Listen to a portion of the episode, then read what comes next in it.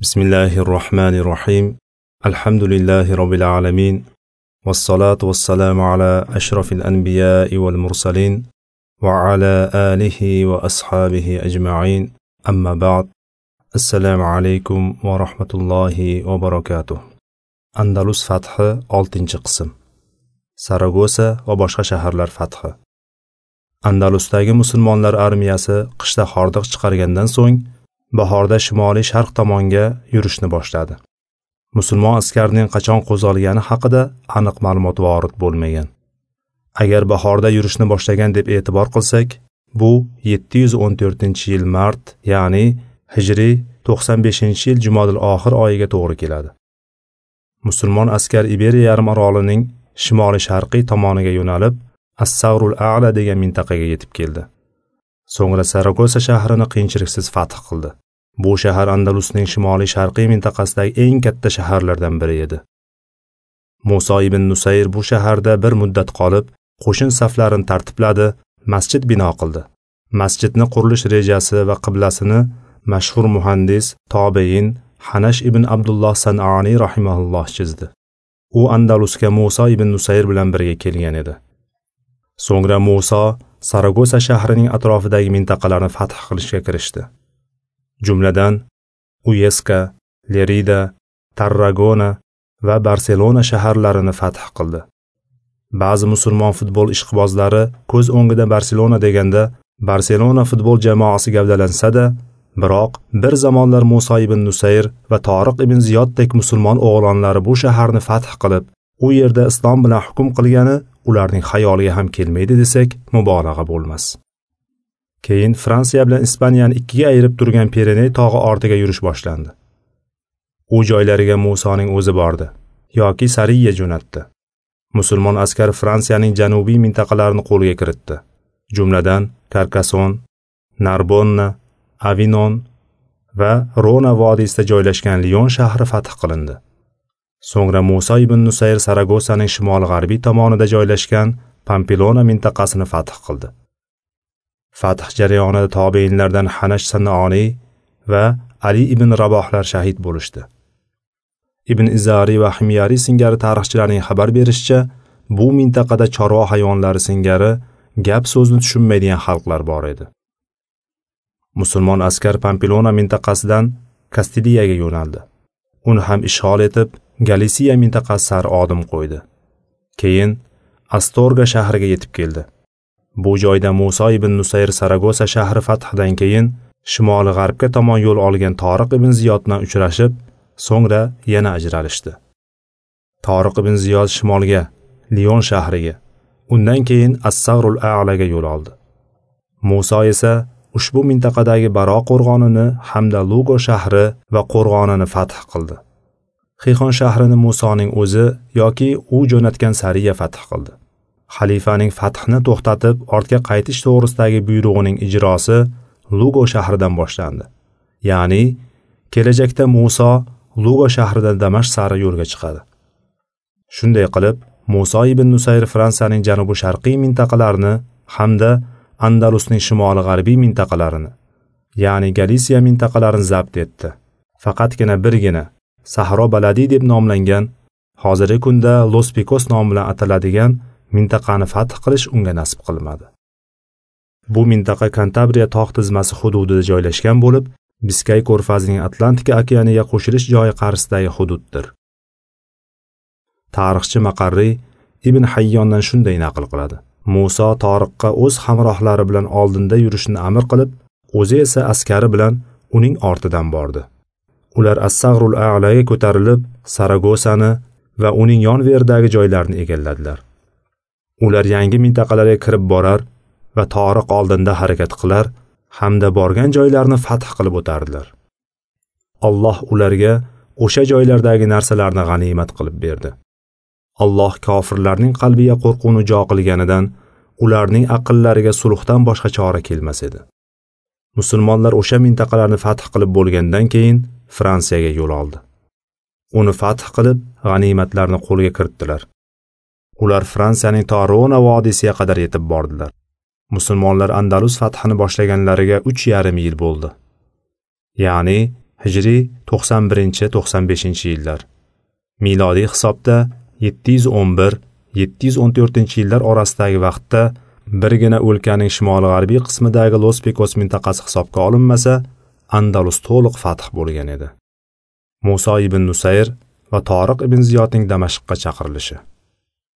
Muso ibn nusayr lospikos mintaqasiga yaqin masofada edi va uni ham fath qilishga harakatni boshlash arafasida turganida damashqdan xalifa valid ibn abdul malikdan maktub keldi. Maktubda ikki fotih muso va toriq oldinga yurishni ya'ni hujumni to'xtatib tezda damashqqa qaytishlariga buyruq berilgan edi. Xalifaning maktubini mug'is rumiy ismli chopar keltirdi. Mug'is andalus o'lkasiga g'oziy bo'lib kirgan qurtuba fathida ishtirok etgandan so'ng damashqqa qaytgan va andalusdagi vaziyat haqida xalifaga xabar bergan edi. So'ngra xalifa uni musoning oldiga elchi qilib jo'natdi. O'sha damda muso galisiya mintaqasiga hujum uyushtirayotgan edi. U shu mintaqaga yurishni oxiriga yetkazib bir necha kundan keyin qaytishga izn so'rab amaliyotini davom ettiradi. Muso galisiya mintaqasidagi ko'pgina joylarni fath qildi. Bu orada xalifadan ikkinchi elchi abu nasr keldi. Bu safar xalifa valid ibn abdul malik musoning zudlik bilan qaytishini qattiq uqtirgan edi. Shundan so'ng muso ibn nusayr noiloj itoat qilib ortga qaytadigan bo'ldi. Birinchi elchi bilan ikkinchisining kelishi orasida to'rt oy atrofidagi zamon kechdi. Muso andalus to'liq fath bo'lmasdan oldin ortga qaytishga majbur bo'layotganidan qattiq mahzun bo'ldi. Ko'ngliga chiroq yoqsa yorishmay qoldi. Chunki u andalusdan keyin to qustantiniyagacha ya'ni hozirgi kundagi turkiyagacha butun yevropani zabt etib oxir oqibat sharqda musulmonlarga to'siq bo'lib turgan qustantiniyani ham musulmonlarning hukmiga bo'ysundirishni fikr qilgan edi. Ya'ni andalusni undan keyin fransiya italiya yugoslaviya ruminiya va bolgariyani egallab undan so'ng turkiyani fath qilishni reja qilgandi.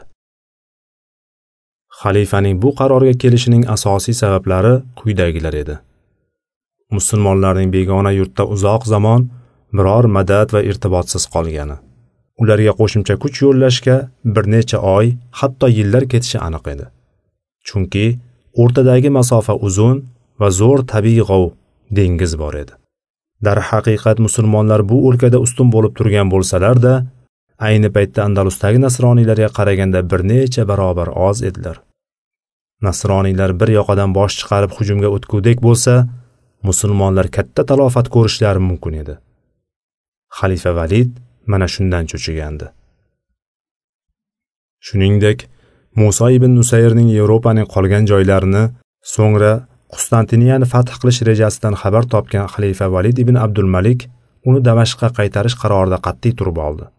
Chunki xalifani ularning andalus o'lkasida qisqa vaqt ichida ancha ichkariga kirib ketganlarining o'ziyoq xavotirga solgan edi.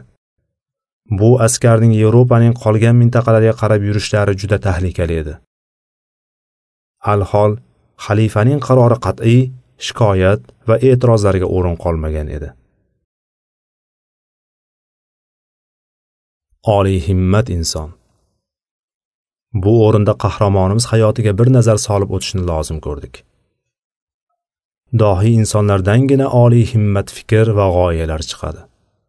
Muso ibn nusayr rahimahulloh yevropani va undan keyin turkiyani fath qilishni fikr qilgan chog'ida 75 yoshda edi.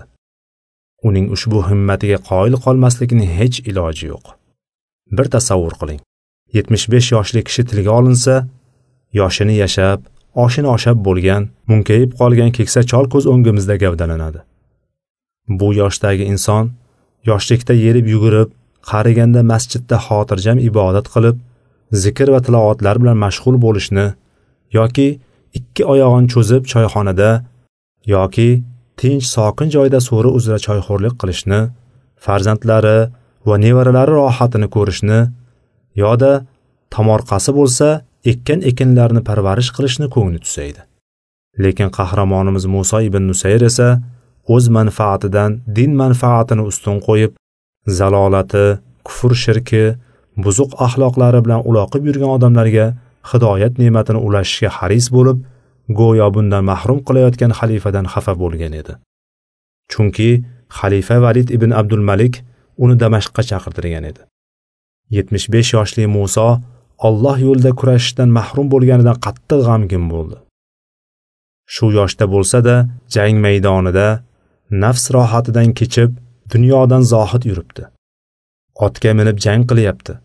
O'rni kelsa shaharlarni qamal qilib sovuqni sovuq issiqni issiq demay Alloh yo'lida yuribdi. Masha Alloh demaslikning iloji yo'q. Bugungi kunimizdagi qariyalarni qo'ya turaylik tog'ni ursa talqon qilgudek yoshlarimiz ham nafs rohati o'zi va oilasining farovon hayotidan boshqa narsani o'ylamay qo'yganlar. Alloh saqlaganlar bundan mustasno albatta. Ha ummatimiz ichidagi Muso ibn Nusayr kabi jonkuyarlarimiz sabab islom dini olamga tarqalib oliy bo'lib kelgan.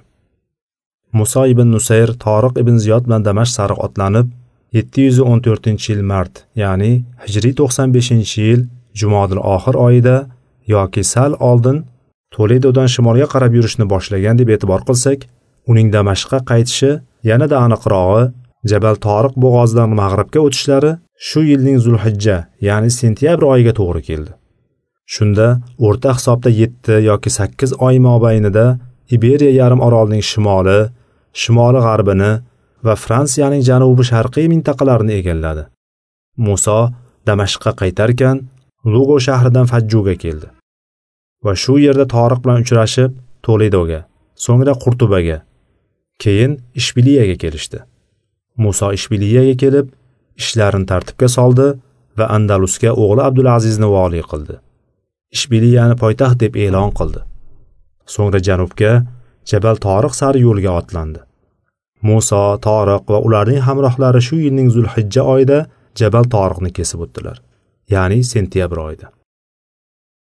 Muso ibn nusayr andalusda ikki yilu to'rt oy davomida harbiy amaliyot olib bordi. Andalus fotihi torif ibn molikning razvedka qilib qaytgani hisobga olinmasa uch yarim yil davom etgan edi. Andalus fotihlari jabal toriq bo'g'ozidan seutaga kesib o'tib shimoliy afrika sari yo'l yurib uning poytaxti qayravonga borishdi. Muso ibn nusayr o'g'li abdulmalikni yuqori mag'rib tanjerga katta o'g'li abdullohni afrika ya'ni qayravonga voliy etib tayinladi muso qayravonda boshqaruv ishlarini yo'lga qo'yib misrga tomon yo'l oldi va 714 yil noyabr ya'ni hijriy 96 yil Robiyul avval oyida Qohira yaqinidagi Al-Fustot mintaqasiga yetib keldi va u yerdan Damashq tomon jo'nadi. Ular 715-yil yanvar oyida Damashqqa yetib kelishdi. Bu damda xalifa Valid ibn Abdul Malik kasal bo'lib, to'shakka mixlanib qolgan edi. Valid ibn Abdul Malik shu yilning Jumodil oxir oyining o'rtalarida, ya'ni muso ibn Nusayr kelganidan 40 kundan keyin foniy dunyoni tark qildi. valid ibn abdul malikdan keyin ukasi sulaymon ibn abdul malik umayviylar xalifasi taxtiga o'tirdi ba'zi rivoyatlarda kelishicha yangi xalifa sulaymonning muso ibn nusayriga yomon muomala qilgani zikr qilinadi agar bu hodisa jiddiy bo'lganida edi xalifa musoning uch o'g'lini hokimiyat tepasida qoldirmagan bo'lardi.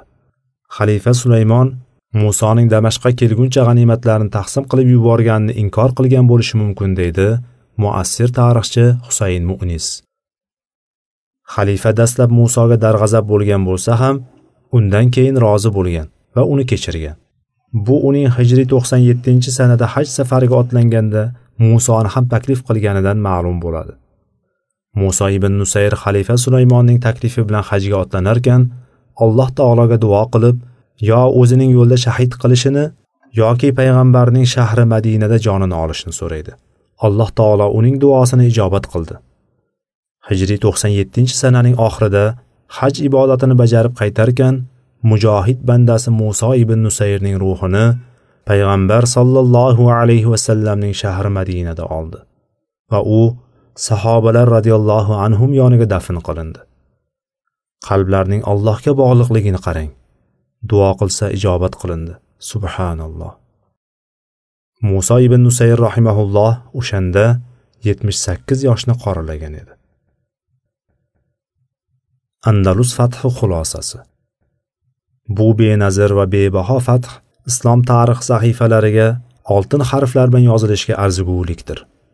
Musulmonlar qisqa muddatda va son jihatdan kam bo'lgan askar bilan buyuk g'alabaga erishdilar. Bu g'alaba haqiqatda ulug' zafar bo'lgandi. Andalus o'lkasiga kirgan musulmonlar atigi o'ttiz ming kishi edi. Shunga qaramay o'zlaridan bir necha marta ko'p va tayyorgarlikda ustun bo'lgan qo'shin ustidan g'olib bo'ldi. Mustahkam qo'rg'onli shaharlar va qal'alarni fath qildilar. Musulmonlar bunday muvaffaqiyatga allohga bo'lgan iymonlarining quvvati taqvolarining samarasi o'laroq erishdilar. Ular qo'llaridan kelgunicha tayyorgarlik qilib allohgagina tavakkul qildilar. Alloh taolo ham o'z nusratini inom qildi. Musulmon kishi modomiki iymonan quvvatli bo'lar ekan jang maydonida mag'lub bo'lsa ham g'olib sanaladi. Haqiqiy mag'lubiyat ruhiyatning yengilishidir.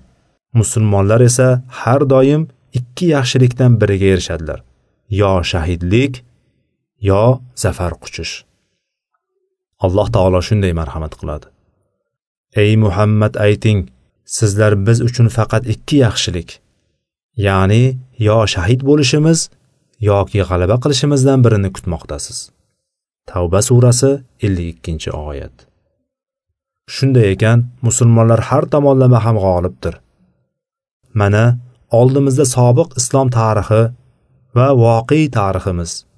Ular ayni ko'rinishda takrorlanib o'zgarmas qonunni ta'kidlab kelmoqda.